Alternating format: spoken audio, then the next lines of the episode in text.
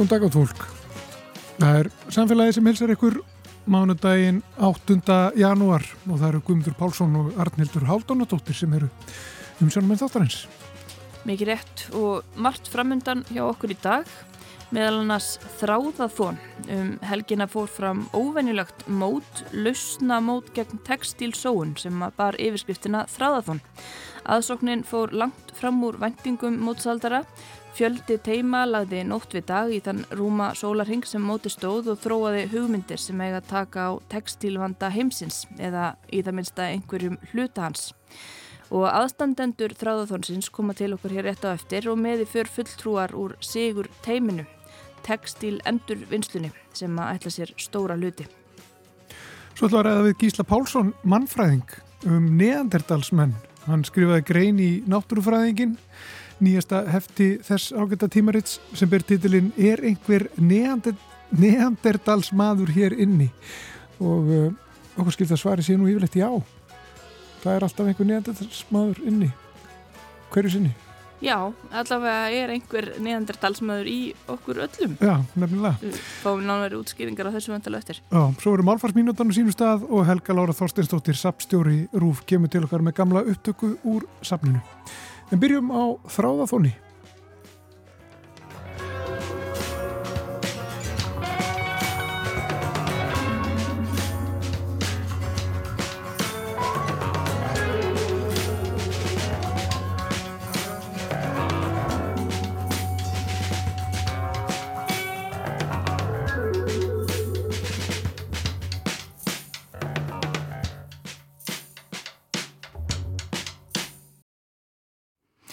Já, þær eru komnar hingað í samfélagið Janna Björk Guðmundsdóttir, verkefnastjóri hjá KLAG, Margrét Katrín Guttornsdóttir og Sæjun Kjartansdóttir sem að unnu þráðaþónið og starfa hjá, hjá textil endurvinnslinni fyrirtæki sem er endar kannski alveg búið að stopna en velkomnar allar í samfélagið. Já, takk fyrir. Ég var að hugsa sko hvort við ættum að byrja bara uh, til að koma okkur svona í gýrin og, og fá fram stemminguna sem var hérna að heyra smá brot frá veluna afhendingunni. Við viljum tryggja framtíðar kynnslóðum bara gott líf og þess vegna er það að sjá hvað þið, bara þið öll, að það hefur komið hingað, við erum tilbúin að leggja þetta á okkur og er bara fullu að vinna þessar flottu hugmyndir, það er bara skiptir svo miklu máli. Og endilega haldið áfram, því þetta er svo spennandi og þetta er svo, er svo gaman að leysa þetta verkefni saman. Takk! Það er bara álit dómnefndar að þessi hugmynd sé bara mjög raunhægt og hún er útöksuð og bara svar við þeim, mörgum þeir breytingum sem er að fara að eiga sér stað. Og þetta fyrirtæki sem hlýtur dráðfónsvelinin 2024 er Textil Endurvinnslan.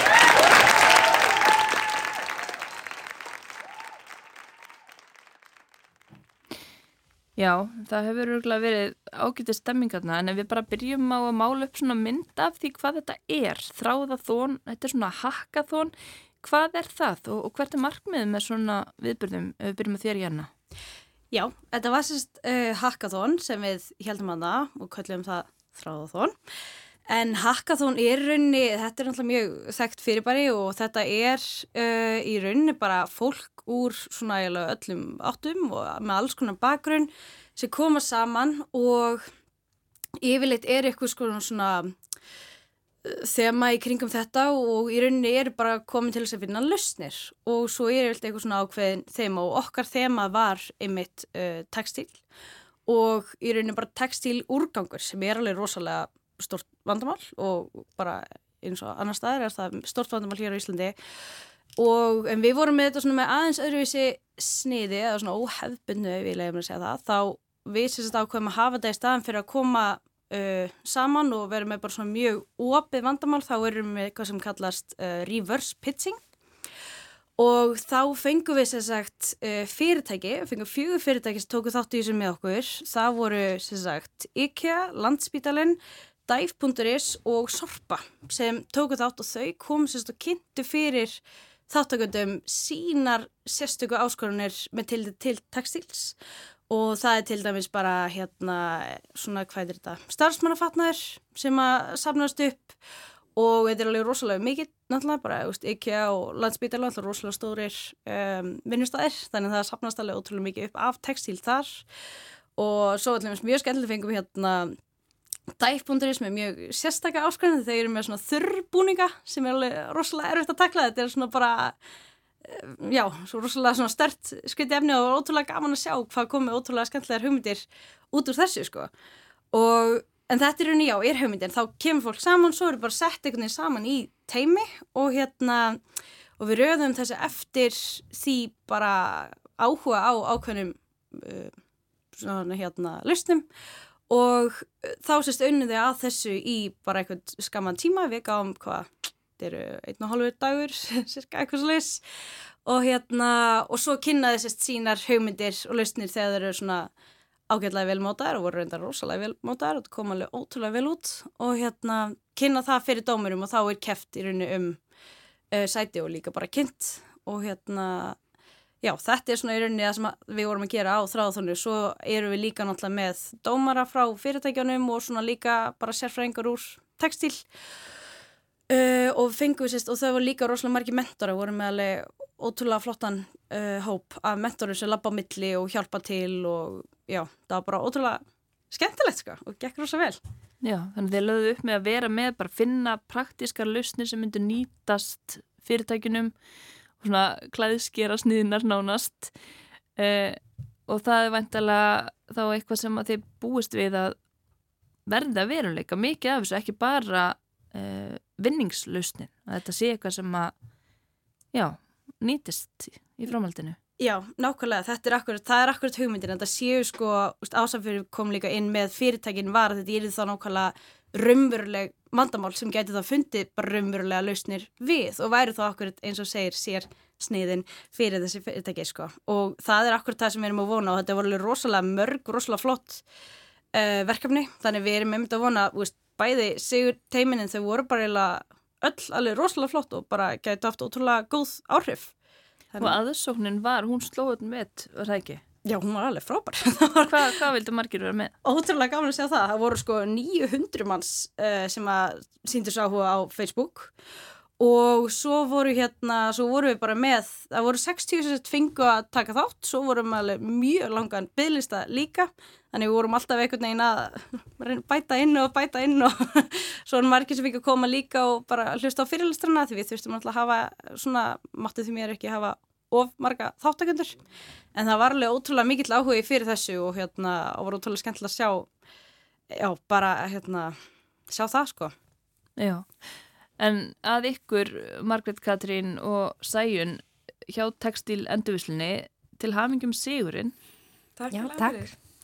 Getið þið sagt mér aðeins bara hvers vegna þið voru komnar eh, þarna í þetta þráðathón? Hvað í rauninni rak ykkur þóngað? Um. Já, um, sem sagt ég er fatahannur og ég hef áður verið að vinna svolítið með fyrirtækjum og endur nýta gamla starfsmannafata með hérna annari vingunum minni sem er líka fattaðinur sem var í teiminn okkar líka. Og þannig að við höfum rosalega mikið náhuga að taka þátt í þessu. Þannig að við ákvæmum að skrá okkur og með vonum um að kynast kannski fleira fólki sem að hafi, hafi svipið áhuga mál og hafi áhuga að vinna að þessu með okkur og taka þetta á næsta steg Já, og það er svolítið kannski svipa hjá mér. Ég er svona nýhætt í vinnu hjá hérna, Tekstilmiðstu Íslands. Um, og mér langaði eitthvað neginn bara að halda mér inn í þessu samfélagi og kynast einmitt fleira fólki sem hafi svipu áhuga mál og sama metnað að eitthvað neginn takast á þetta vandamál. Og getið það sagt mér bara hvað ykkar veluna lausnin felur í sér? Hvað viljið þið gera? Já, við erum sem sagt, uh, við lendum saman í teiminu sex uh, konur með mismunandi bakgrunn, mismunandi mentun sem við erum til dæmis fatahönnir, textilhönnir úr hérna markaðskeiranum og viðskiptalífunum, grafískönnun. Vöruhönnun. Já, þannig að við myndum frekar stert teimi og svona vorum meila svolítið svona bara samheila hugmynd og draum um að láta þetta vera veruleika.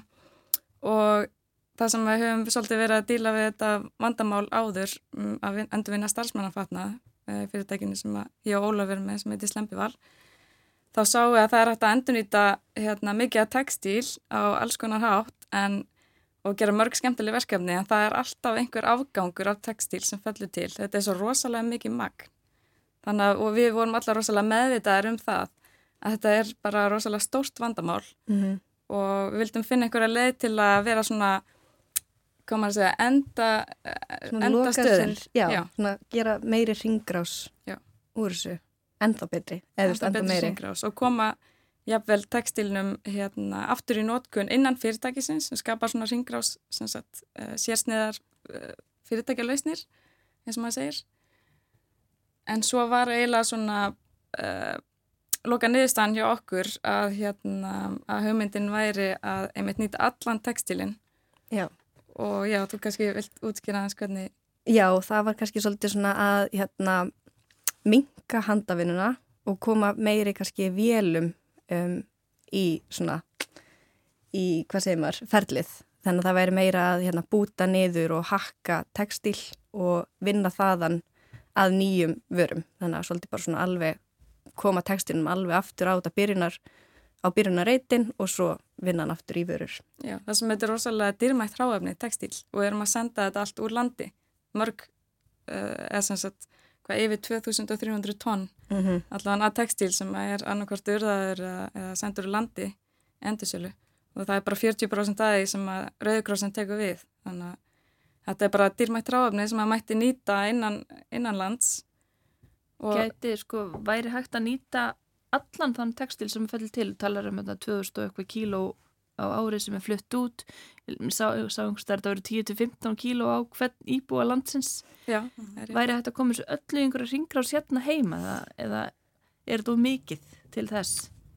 Svona kannski erum við ekki alveg með lausnina núna þannig að við erum að byrja svolítið á einum stað og það er með starfsmannafatnað eða svona sértækarlausni fyrir fyrirtæki en auðvitað er draumurinn að koma þessu í stærra stærri skala Já, það sem það er margt að þessu sem er ekki ákjásanlegt til endursölu. Eins og starfsmannafatnaður hann er sér mertur og hann er oft slitinn. Það er ekki hægt að nýta náfram sem fatna þannig að uh, okkur fannst svolítið svari vera að, að, að svolítið brjóta niður og byrja upp á nýtt, búið til nýtt efni og geta þá unnið eitthvað úr því sem að bæði fyrirtæki og, og hannuður kannski getur nýtt sér eins og við. Já, þetta raun bara að tætan, það er ekki einhver sem að situr og hérna nærrannilásnum frá og þú veist, rekur upp eða eitthvað heldur, heldur væri þetta bara einhver tætari og svo myndu við bara búa til nýtt efni flokka eftir efnum og, og tæta þetta svo bara. En það er alltaf það myndur alltaf þurfa að vera handafl til að taka rennilas og, og svona, Já, að þess að flokka þetta veist. En þetta er rosalega mikil handafinna og handafinna bara er dýr Já. þannig að það er bara skemmtilegt að reyna að koma þessu skilvirkari hátt aftur út í samfélagið Einmitt. og svona fyrirbæri hackathon þar sem að fólk á að vinna að einhverju hugmynd við allt aðrar aðstæður heldur en svona fólk gerir á venjulegum vinnu degi eh, er þetta svona vænilegt til þess að, að hraða hlutum og, og svona fá nýjar hugmyndir hvernig upplýðu þið þetta ferli? Já, klárlega sko, þú veist, maður er náttúrulega komin hann svolítið til þess að bara þú veist, einhvern veginn sprengja sig út eða þú veist, bara tilbúin einhvern veginn að bara koma með allar hugmyndir og, og svo hittum maður líka fólk sem er í svona sömu stemningu þannig að úr verður svolítið svona góð stemning til þess að bara, ég veit ekki, drífa þetta áfram sko. Og það voru bara mörg frábær verkefni þannig sem að all, getur orðið að veruleika, finnst mér. Já, Jenna, viltu segja okkur aðeins frá hýrum verkefnunum sem að unnu ekki en voru vantarlega spennandi líka? Já, endilega, það er, þetta voru náttúrulega um, hvað, nýju fyrirtæki, þannig þetta er alveg um, já, þannig hérna Jú, það voru þetta ótrúlega mörgflott, það voru til dæmis uh, nokkur sem að tóku sérstaklega sko áskorunir fyrirtækina til dæmis sem að voru til dæmis einn hérna sem ég var mjög skemmtilega það voru hérna um, það voru búin að búa til svona alls konar annað úr byggu til svona hérna í rauninni hitapoka úr hérna með svona grónum og svo bygguðu líka til svona hálfgerðan kjól og hérna og svona sæti úr sagt, afgangs uh, starfsmannufatnaði frá landsbítalunum svo var aðri sem voru búin að búa til svona hita og vögva einangrandi póka fyrir björgunarsveitinar eins og fyrir síma og hérna talstafar, já. Og hérna svo voru við með annað sem að fekk í rauninni sérstökvelun, það voru tvö sérstökvelun veitt, það voru hérna annars vegar fyrir svona, þau kveldu þetta kapsulklóðing og það getur rauninni fengið sko bara pakka af fötum og getur að panta þetta og vera inn í áskrift af fötum þannig að þú får alltaf nýjan fatastílur inn í hverju mánuði og Já. mixar því einhvern veginn og svo getur þú alltaf fengið skilaði og fengið svo nýtt. Og svo haugmyndi var líka fyrir bara eins og segjum bara hérna ferðamenn sem eru að koma til landsins og vilja fara bara í þú veist, fá bara úlpur og allt þetta sem þarf og þá þurfur þau ekki að vera að bera þetta með sér, þau getur bara fengið svona kapsúl af fötum.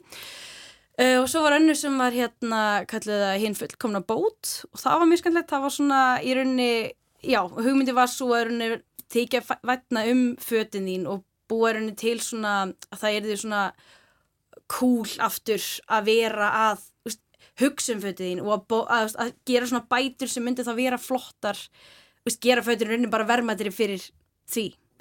En þetta var alveg ótrúlega skemmtilega og við fengum alveg líka ótrúlega flott uh, svona insfó eða þannig þegar við fengum alveg fullt af fyrirtækustóku þátt, 66 á Norðurkomu og gáðu velun og dæpundir í skáðu líka velun, svo hérna fengum við fyrirlestu frá Ragnarsöru hjá fólk sem er að gera hérna allir með púðana úr hérna svona bílapúðum sem er ekki hægt að nýta aftur eða var ekki hægt að nýta aftur, nú er það ræði svo fengum við Rauðakrossin líka með þau voru líka með hérna, fyrirlæstur og náttúrulega umhverfstofnun sem er að halda þetta með okkur og textilmiðstöðin fengum líka fyrirlæstur frá þeim og svo fengum við líka hérna uh, svo kynntu við líka að þetta voru rosalega flottar uh, margar uh, hugmyndir, eiginlega bara allarlega rosalega flottar og fullt af bara skemmtilegum hugmyndum þannig við viljum endilega að þau haldi áfram. Og þá vorum við endilega líka með kynningu á til dæmis gullegi sem er bara að byrja núna hjá okkur uh, í næsta mánu eða umsöknumfrestur til 19. januar og svo er ringiða líka. Þannig við vorum líka að kynna sko ringiðu sem eru okkar svona ringar og svo hraðall.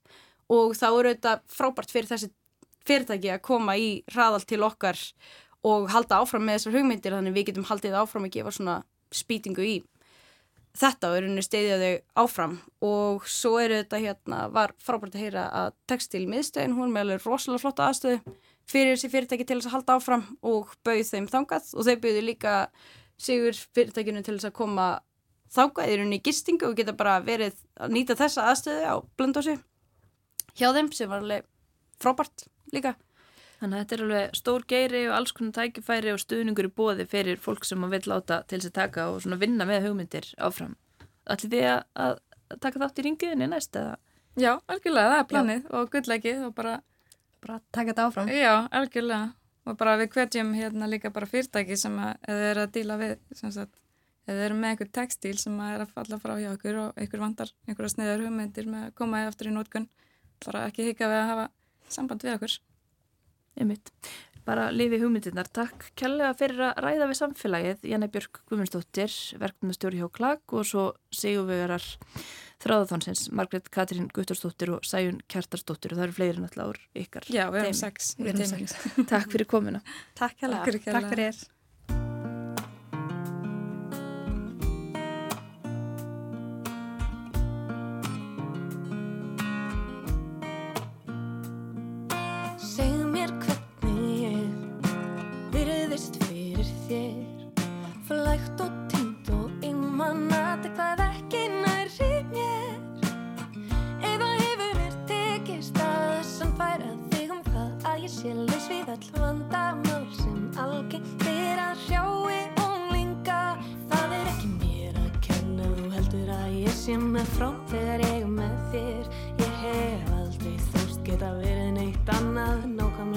sem ég er.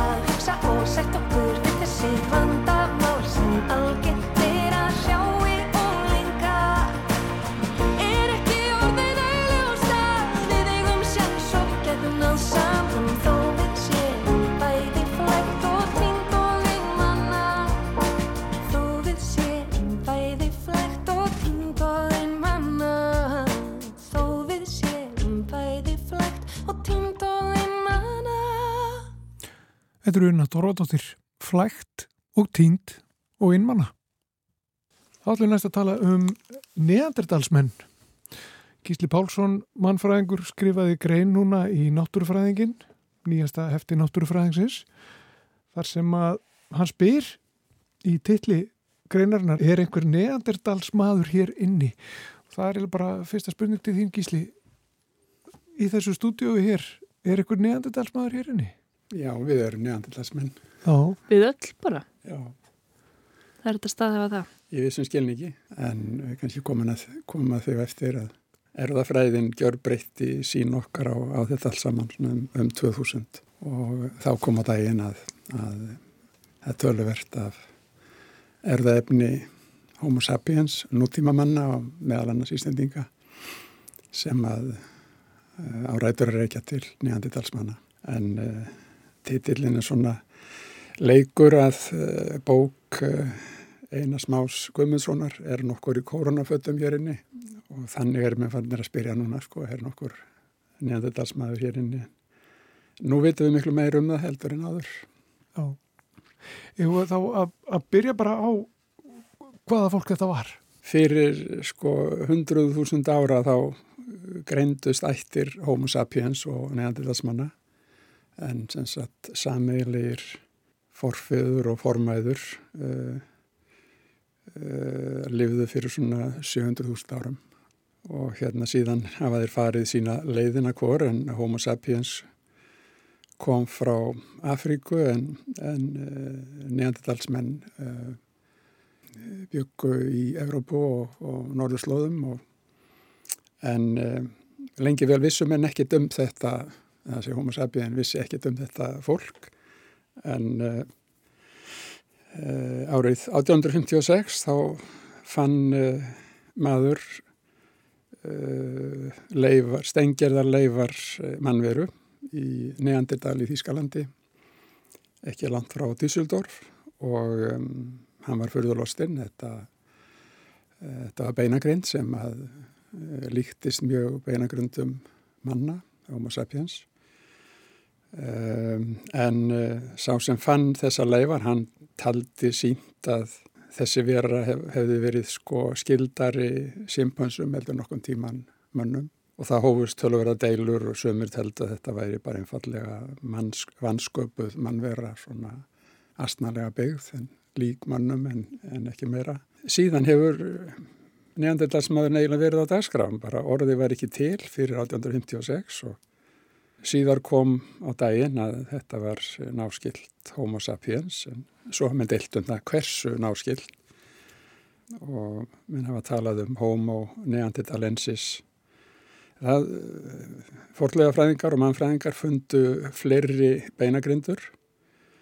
Og það var ljóst að sagan var mjög flóknari heldur en minn ætluðu og menn höfðu verið í sambíli við, með neandertalsmönnum uh, lengi vel. Og það benti allt til þess að þeir hefðu sína greftunnarsýði og eldstæði og áhöld. Og uh, það vöknuðu svona spurningar um hvort þeir hafi getað talað, hvort þetta hafi raunverulega verið menn. Og nú veriðist það sennilegt að, að um, að neandertalsmenn hafi geta talað eins og við, það, það er að vísu umdilt.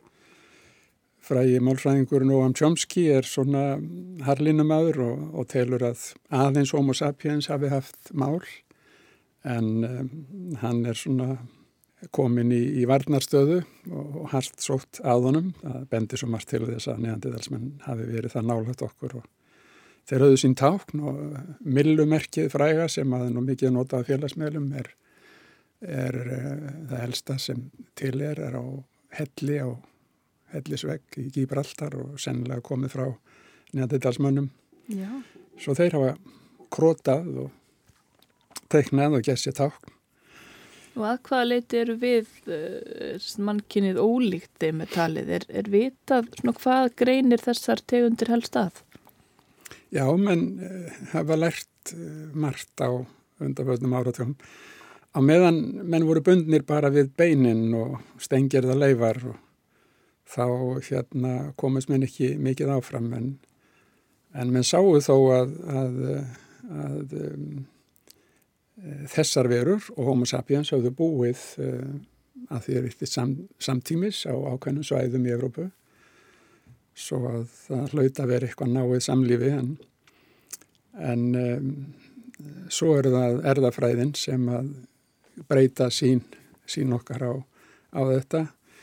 Og það er kannski sérstaklega Svíin Svante Papó uh, mannfræðingur á sviði lífræðilega mannfræði og hérna hann fekk Nóbersvelunin árið 2000 í læknisfræði reyndar. Og uh, honum tókst að, uh, að einangra erðaefni úr þessum leifum og sem var mikið afreg menn töldu áður að þetta væri bara óhugsandi, þetta væri það gamalt og stengert og vonlust að stunda eða rannsóknir á, á forsögulegum beinum. En honum tókst þetta og, og, og síndi, hann sundi fram að það var ekki bara hérna, sambíli eins og forlega frenganir höfðu leitt í ljós byggð á sömu slóðum heldur, heldur varum kynblöndunaræða og því má segja með rétti sko að neandidalsmenn eru í okkur og, og við erum neandidalsmenn í, í vissum skilningi En uh, Íslensk erðagreining uh, lagði þarna hönd á plógin uh, nýlega og með nýstarlegum greiningaræðferðum og, og vörpuðu ljósi á helming erðamengis neanditalsmanna með því að rannsaka Íslendinga. Við þrjú erum með ykkur að búta á neanditalsmannum en þó að sé kannski ekki nema 2% í hverju okkar en þessi bútar eru mismunandi eftir fólki. Þannig að samanlagt í erðamengi Íslendinga er, er um, um 50% af, af erðamengi neandertalsmanna og það sama má vendalega segja um, um aðra þjóðir. Og, og þetta er svona byltingarkent uh, uh, á Viktori tímanu þegar eins og ég sagði fyrstu beinarleifirna fundist 1856 og þá byrjuði menn að kvísla voru þetta menn eða næstu því menn og gátiður hugsanlega að hafa kist og, og elskast og, og búið saman og, og eignast börn og afkomendur, þessir neanditalsmenn eins og þau voru kallaðir og við. Og um, þetta var svona Viktori og tímin var svona uh, mikið af tebruskap og uh, og hérna fæstir tóku þetta alvarlega svona kvíslað um þetta í, í hérna í skúmarskotum en, en, en nú er þetta tekið alvarlega. Það er sem sagt ljóst að þessi tvö menni byggur saman og eignuðust akkvæmi en um, vittneskjanum neanderdalsmann er, er sífælt að breytast og það er mjög erfitt að fylgjast með. Og uh, Mikið áhugi á þessum Já. þessu skildmenni okkar. Já, bara, bara út frá margskona fórsöndum, það er tungumálið og líkansbyggingin og sagan, erðafræðin. Þannig að þeir eru svona stöðugt á dagskráð, það líku við að maður sjáu vikulega greinar splungun í erum um einhverja þætti þessari sögu og, og hef svona eitt svona uh, standardarít sem að ég stuttist tölverst við eftir tvo breyta Ehm, það hefur gefið út eh, eitthvað fjórun sinnum sko uppdaterað síðustu, á síðustu áram því að svona standardtekking verður bara úrreld mjög fljótlega, mennur að bróta sér lengra inn í erðamengið og, og dreifingu uh, neandidalsmanna um heiminn og, og kortleikja þessa sögu miklu betur en áður. En, en kannski er stóra spurningin sko, eru þetta við eða hinnir þrátt fyrir þessa forsögulegu blöndun? Og það er svona tvær, tveir skólar ef svo maður segja og deldarmenningar og alls ekki búið að gera þetta upp. En, en uh, sömur telja að, að hérna, neandertalsmenn séu uh, undirtegund sem sagt uh, með ólíka líkamsgerð og sérstakka aðlögun, sérstaklega á kuldasvæðum á norrlegum slóðum á meðan Homo sapiens fórum allan heim og og neandertalsmenn byggu í fámennum hópum en, um, en svona meira fjölminni hjá, hjá okkur, homo sapiens. Um, það, það er svona viss rauk fyrir því að þetta sé nægilega ólíkt okkur til þess að það sé talið undir tegund en svo er aðri sem segja að það sé uh, um eina tegund að ræða og þeir vilja tala um homo Neandertal sapiens sem sagt sem að telur bæði okkur og Þannig að það breytir þá bara því hver við erum og, og okkar skilningi á, á okkur sjálfum. Já. Svolítið drastist. Já, já, það gerir það. Við höfum talið okkur einn heiminum með svo að segja og hafinn yfir sköpunarverkið og þetta er náttúrulega í biblíðinni og öllum sköpunarsögum. En, en það er svona nýstaflegt að þetta sé ég að við bara ja, innan hús, í næsta húsi En, en þessi tegund, þessi kenning um, um uh, að við séum einn tegund, hún styrst líka við ákveðin rauk að, að erðafræðin og þetta með niðurstöðu Svante Papás og, og íslenskar erðagreiningar og, og fleiri. Uh, uh, það, það veldur því að það er erfiðara og erfiðara að raukstiðja kenninguna um tvær aðskilda tegundir og undanfarn áratögi hefur verið tölverð talað um, um svona samþættingu í skólum að eh, skólakerfið taki inn sko alla þegnana, allt ungviðið og, og það er svona meiri reistn yfir því og, og kannski má nota sveipa tungutakum neandidalsmenn, svona þetta er hugtökin sem eru notu skils mér núna eru inngilding og samþætting til þess að virða allt sem er svona á jæðrinum og þetta er svona mennskara sjónamið heldur en að setja allt í bóks og, og kannski maður segja að, að við þurfum að segja sumir að tala um, um neandidelsmenn með þessum hætti. Þessi hérna, það er svona meiri reysni við því að, að hafa það bara með okkur og, og ekkert múður en, en svo er það tegundar hugtækið að, að allar þessar spurningar snúast um það hvað, hvað er tegund og og það er margar alda þræta og, og umræða. Linneus, einn fræði svíi, hann flokkaði lífverur, sérstaklega blöndur og, og, eh, og hérna á ykturja tímanum vorum við mjög uppteknir að því að setja allt í bóks og númera og eh, skoða hvað veri komið að hverju en eh, en um, það gekk erfilega að skilgareina tegundarhuttakið og gengur enn erfilega. Darfin uh, skilgareindið aldrei þó hann hefði skrifað eitt frægastaritt vísendasögunar um, um uppbrunna tegunda, hvort fjandi var tegund sem að var uppbrunnin með þeim hætti sem hann gerðir á fyrir en, uh, en uh, arftæki Darfins er stundum talin hafa verið ernst mér lífræðingur og frá honum er komin þessi skilgreining á tegund að, að það eru lífverður sem eiga sér eiga hérna frjósum afkvæmi. Og það er ekki nóg að eiga afkvæmi, það verður að vera frjósum til þess að, að um, tegund sé að ræða. En, en samkvæmt þessari skilgreiningu er, er um eina og, og sömu tegund að ræða því að uh, greinilega neandertalsmenn og homo sapiens áttu áttu hérna afkvæmi sem áttu afkvæmi og kollakolli. Já, og þess vegna eru við öll neandertalsmenn að einhver leiti, já. 2% allavega já, í dag. hvert og eitt, um allan heim. Og, og þetta, sko þetta, um, svona það að þessar tegundir hafi uh, búið saman eignast afkvæmi, eða tegundir, eða það að, að neðendalsmenn og homo sapiens sapiens hafi eignast afkvæmi saman, e, búið saman, átt saman líf í rauninni. E, það hlýtu þá reyna stóðum undir það að neðendalsmenn hafi, eins og þú segir, á tungumál, e, einhvers konar menningu og svo framvegis. Ég menna þetta, það lítur að vera, er það ekki, fyrst að, að samneiti var svona mikið þegar við mynda svona eitt samfélag bara eða... Já.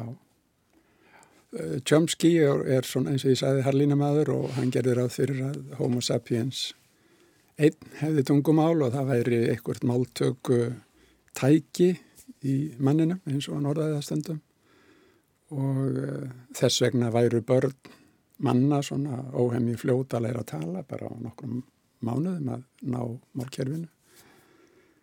Um, það er svona heillandi kenning út frá ymsum sjónamiðum en, en uh, það gengur ver að, að verja þá kenningu í dag. Það ymsi uh, málfræðingar hafa fært rauk fyrir því að, að aðrar tegundir hominýta eins og stundum við talaðum meðal annars uh, neandidalsmenn hafi, hafi geta talað að sagt, talfærin séu áþekk og heilastærðin og, og uh, merkin eins og millumerkið og krót á veggjum, forsögulegum minnjum og allt þetta.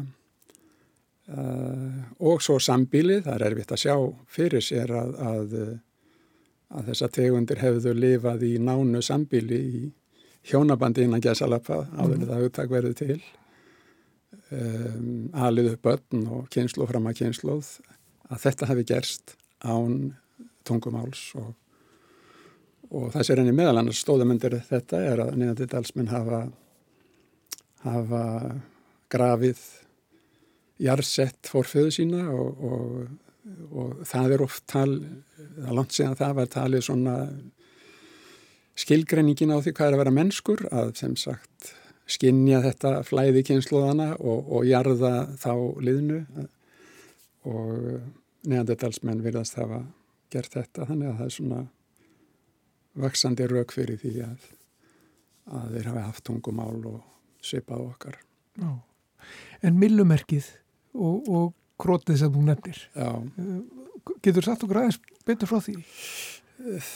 Ég veit óalega lítið um það. Þetta er bara þessi einföldu fjögur, fjögur stryk á helli í, í á Gibraltar og ég fór þarna í síðastliði sömar og, en uh, ég held að hellirinn sé ekki opinn og kannski ekki aðgengilegur, kannski verða vendan en ég komst nálægt höfðanum þar sem að hellirinn er en um, nákvæmlega hvað mann gerði við millimerki er, er ekki ljóst en þetta er kannski sagt, tveir fingur og, og tvö strygg ah.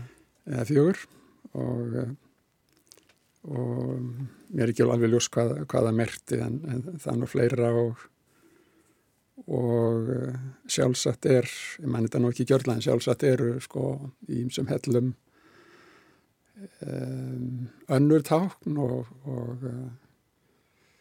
Um, það eru hellar til dæmis í, í söðu Fraklandi sem eru með helling af táknum og myndum af, af dýrum.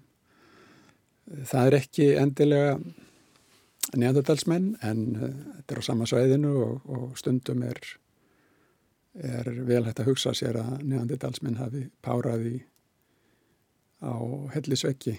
Einhver, einhver fleiri tákn.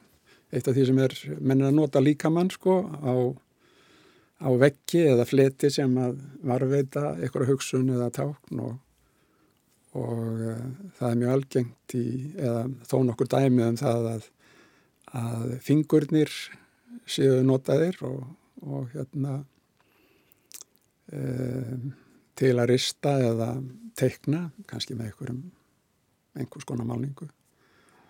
Og, og það er oft sem að uh, einnið að fleiri putta vantar og við tölum við deila um það sko hvað það þýði á, á vegnum hvort að sé hugsanlega einhver uh, tákn eða, eða viðkomandi hafi mist fingur í átökum eða eitthvað slíkt en, en uh, allavega er þessi stimpill hendin eða fingurnir á hellisveggi áberandi oh. En mest að því að kannski homo sapiens en, en, en kemur hann ekkit óvart þó að eitthvað að þessu sé frá neanderdalsmönnum. Já, ég var hér. Já. Þetta getur því það líka, eða það eru skilabóðum svolítið sem við fáum. Já, eitthvað svo leiðis. Gegnum árþúsundin. Já, eins og myndavélarnar í dag. Sko. Já, einmitt. Alltaf því selfies. Nefnum að þær finnast sannlega hverki í framtíðinni. Sjálfurnar sem við tökum. Já. Og öll millumerkin sem eru nú á samfélagsmeilunum, þau eru nú ekki fá. Gísli Pálsson, það var gaman að fá því heimsókn. Gísli Pálsson mannfræðingur. Takk fyrir að segja okkur frá neðandidalsmönnum og það má bara benda fólki að það það er hægt að lesa þessi grein á, á vef náttúrufræðingsins. Þessi grein er opinn þar öllum Já. um að gera að kynna sig þetta. Takk fyrir komuna. Takk fyrir mig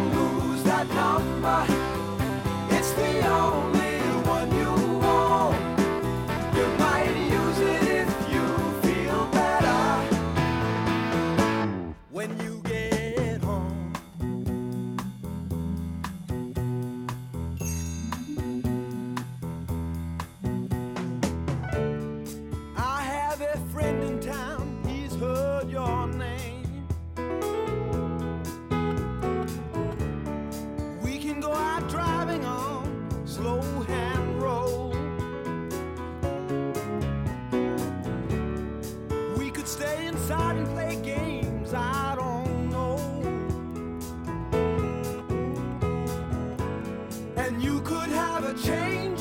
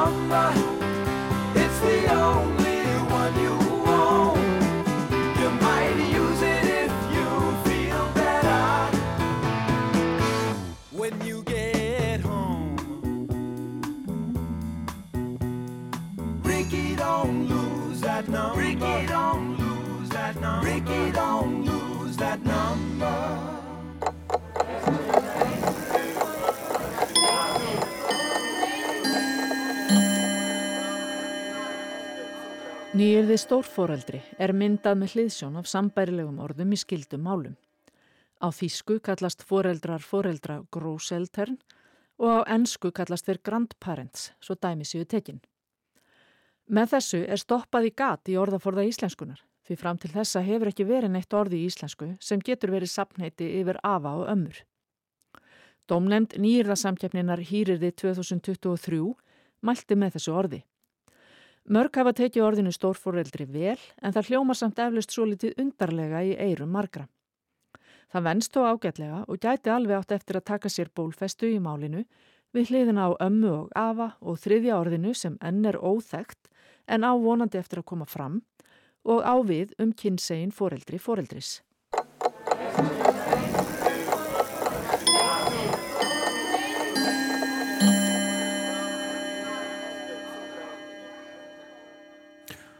Það var Anna Sýrur Þráinstóttir sem að flutt okkur málfarsmínútu og þar áður heyrðu við í stíli Dan, Rikki Don't Lose That Number. En núna er hún sest í okkur Helga Lára Þorsteinsdóttir, sapstjóri Rúf, verður velkomin til okkar Helga Lára. Já, takk fyrir. Hvað ertu nú með hand okkur? Hvað upptöku ertu með núna? Jú, í dag ætlum við að hlusta á samtal Jóns Eithossonar við Július Germundsson frá Allastöðum í Fljótavík sem er á Hortströndum og þetta samtal var tekið upp á lakkplötu og samkvæmt meðanum á plötunni þá fór það fram þann 12. november árið 1941 eða fyrir 83 árum. Og nú er sem sé búið að flytja hljóðið af lakkplötunni yfir á segulband og svo þaðan yfir á stafrænt form svo að þetta er mjög gott dæmi um svona hvernig menningararfurinn er aldrei alveg hólpin í eitt skipti fyrir öll. En uh, nú eru margir sem að hafa heimsótt tóttstrandir og eru kunni í staðháttum en svæði fór í eyði í kringum árið 1950 og það hefur engin verið með búskap þarna síðan. En við ætlum að hlusta núna á hann uh, Július Germundsson eða á eftir og hann var bóndi á allastöðum í Fljótavík sem er landnámsjörð Og mér finnst það svo áhugavert og bæði svona áhugavert og umhugsunavert eiginlega hvað hann ber sig vel og hvað hann er ánægður með hlutskipti sitt sem bóndi sem á bara 50 kindur, 2 hesta og 2 kýr. En hann er þarna þegar viðtalið er tekið að heimsækja Reykjavík í fyrsta skipta á æfinni og telur upp svona helstu kenniliti borgarnar mjög samviskusamlega og maður svona sýrdegila fyrir sér eins og myndir á postkortum fyrir utan að þetta liftuvélina sem maður nefnir alveg sérstaklega en þar á hann við sko liftuna sem maður var í landsýmahúsinu og er kannski ennþá í landsýmahúsinu, veit það ekki. En svo segist hann eiga útastæki í Fljótavík en hann þarf að fara mjög sparlega með rafluðunar í tækinu því það kostar hann sko fjögra klukkustunda gungu að sækja sér hlæðslu á rafkímana. E, og svo er það hann Jón Eithorsson sem að stýri samtalinu en hann var veðurfræðingur og las veðurfræknir og flutti pistla um veður og jökla í útarpið. Og mér skilst að hann hafi til dæmis verið fyrsti formaður jöklaransórna félagsins. E, en samtalið sem við heyrim hérna eftir það hljómar eins og það sé lesið af bladi af begja hálfu. Og það er greinilegt að það hefur ekki verið ráðrúm fyrir neitt hig eða málkvíld þeir tala svona nánast ofan í hvern annan. En uh, svo má bæta því við hérna lókum að senir Júliusar, þeir Jóhann og Þórður, þeir stopnuðu fyrirtækið Gunvuru á Ísafjörði og hafa alveg nokkur skip fyrirtæki sem sporið nafn föður þeirra síðan. En við þekkjum það hérna Július Germundsson sem er þessi tógarar hrannar fyrir vestan. Eru, uh, en nú skulum við heyra í honum sjálfum, Júliusi, segja okkur frá lífinu við Ístahaf þar sem að menn rýru á opnum skektum fyrir miðja síðustu öld og bara með brós á vör. Bara rétt árum við, við setjum það í gang. Mm -hmm. Þessi upptaka, hún er, hún er af lakkblötu, segiru, og það var þá þannig að viðtalið tekið upp uh, á lakblötu eins og ef við tökum upp viðtul hér þá gerum við það hér stafrænt í, í stúdíum mm -hmm. svo er platan sett í hliðar og svo er viðtalið spilað af plötunni í útsendingu eða hvað? Já, Já. einmitt Já, þannig að það hefur tekið upp og skorið ofan í plötuna og svo hefur platan verið sett á fónin þannig hefur það verið spilað í útarpi, ger ég ráð fyrir Já, og mikið til að svona upptökum? E, já, það er til, ekki mikið og mikið, það er til, e, svolítið, það er svolítið til af lakblötum í, í sapni út af sinns, já. Já, og það er verið að færa þetta saminskuðsamlega yfir og stára þorm ekki satt? Já, aðalega af segulbandinu og yfir í stafrandform núna, vegna þess að svo, svo heldur þetta bara áfram. Nú er búið að færa lakblötuna yfir á segulband og svo þarf að færa segulbandið yfir á stafrandform. Já. Og hvað verður það næst? Þegar að stafræna formið verður? Það er frábær spurning, ég get ekki svarað henni þar sem ég sitt, ég veit það ekki. Það bara mun framtíðin hérna sín okkur sko. Já, það. En það er nú að snúast ykkur náttúrulega á samninu að varfita þessar heimildir. Já, og hafa þetta aðgengilegt og skrá þetta á hverjum degi, alla daga. Já, veit það. Helga Lára Þorstinsdóttir, takk fyrir komuna í, í samfélagi. Við skulum heyra Vital Jóns Eithórssonar við Július Geirmundsson. Hér er nú statur Július bóndi Geirmundsson frá Allastöðum í Aðalvík. Hann hefur leift útverfin að spyrja sig nokkra almeldra tíðinda þaðan norðan. Hefur þú komið fyrst til bæjarins hér, Július? Nei, ekki við gert það. Hefur þið ekki ferðast neitt áður? Nei, ekkert nema norðan til þarna á vestfjörðum bara. Og hvernig líst þér svo á borgina? Á í gætlega. Og hvað eru helst séð? Útvarpssalina og, og þess áttar. Útvarpið og útvarpssalina. Já, og eitthvað fleira kannski? Háskólan og sundhöllina og, yeah. og mér þóttu svo væntum að fara í liftivélina. Já, í liftunni hérna í Vessimúsinu. Segðu mér, hvað eru allastæðir þar sem þú átt? Þeir eru hérna nýrst á vestfjörðum. Já, í Fljótavík. Í Fljótavíkinu, já. já.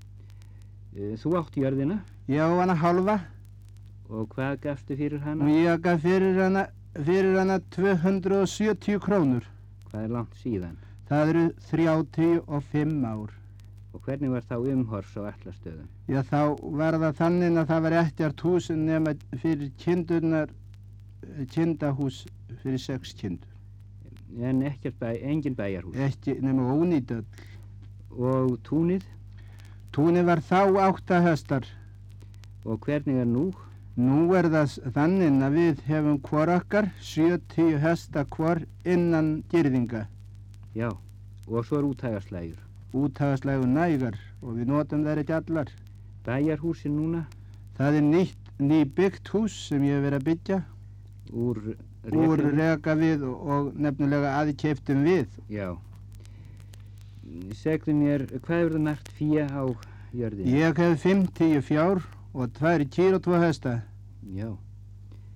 Fér vænt hjá ykkur er það ekki? Já, ég, það fer þetta vetur gammalt upp í, upp í 60 og 7 og 8 pund Já. og dilkar í kringum 46 pund og þannig tvílembingar 24. Segðu mér, allastæðir er það ekki landnámsjörð? Jú, jú. Hver bjóð þær? Þar bjóð allir gamli. Þræll Germundar Heljastins. Já, hvað hafði hann sér, sér til ágætis? Það var nú það ágætið að hann bjargaði þarna ádján, ádján stjöbrásmönnum. Já. Og tók það upp á sig að veita um vetursetu. Já. Og þessu vegna þótti nú Germund að hann heldur frekur en fyrir því. Já. Þegar hann spurði hann vegna hvers hann hefði gert það, þá, hann, þá sagði hann, hann hefði gert það þessu vegna að hvað myndi altså kongurinn eða herran leifa sér þá þrællin gerði þetta. Já, og þetta líkaði germundi vel. Já, hann gaf honum frelsi sitt í staðin. Og með búskapnum þá sækjur þú sjó, er það ekki? Jú, jú, ég sækja sjó þannig að, að og hefur gengið ágætlega nema síðan að snurfaðarnir eru komnir, þá er útliti fyrir því að það verði þannig að maður verða flúg þaðan í burtu ef ekki verða öðruvísi tilbreytingar með að hjálpa mönnum að taka það af, afnema það á einhvern andan máta. Þið hefur ekki vélbáta? Nei, við hefum ekki eftir nema skjöktur eða litlar, eða litlar fleitur eða bróðrabáta. Hvað, eh, hvað eru merkir menn vanalega á svoliðis bróðrabáta? Tveir og þrýr eftir því sem að stórir eru bátarnir. Já. Hvernig er svo afkoma manna yfir leitt? Þakka þið fyrir, það er ágætt, ágætt afkoma, heldur í betra lægi, sumarið hefur verið gott og blítt og Já. allt. En stundum blæs nú kallt þarna norður frá. Já, það venst vesell vosi eins og þar segir. Jú, svo stendur þær. Segðu mér, þú er útverp. Já, Og það er hvað ég. getur þú sagt mér að lokum um, um útverpið? Mér, eh, mér kemur það ágætlega eh, til þess að fyrir sjónir með það að mér þykir vendum að heyrum um heiminn en ég verð að fara svo sparlega með það vegna þess að ég hef ekki ástæði til þess að ná í, í uh, hlæðslu. Já, og hvert verður að sækja Ég verð að sækja til hestirar, allega til látra nú upp á seitkasti en alltaf til hestirar, allega til Ísafjörðar. það, hvað er lengi gengið til hesteirar frá þér? Það eru svona fjórir klukkutímar. Já, langt er það til að, að sækja hlæðslust til þess að geta hlustað á Já. okkur hér og allan okkar vísdóm. Já. Jæja, ég þakka þér fyrir, Július. Takk.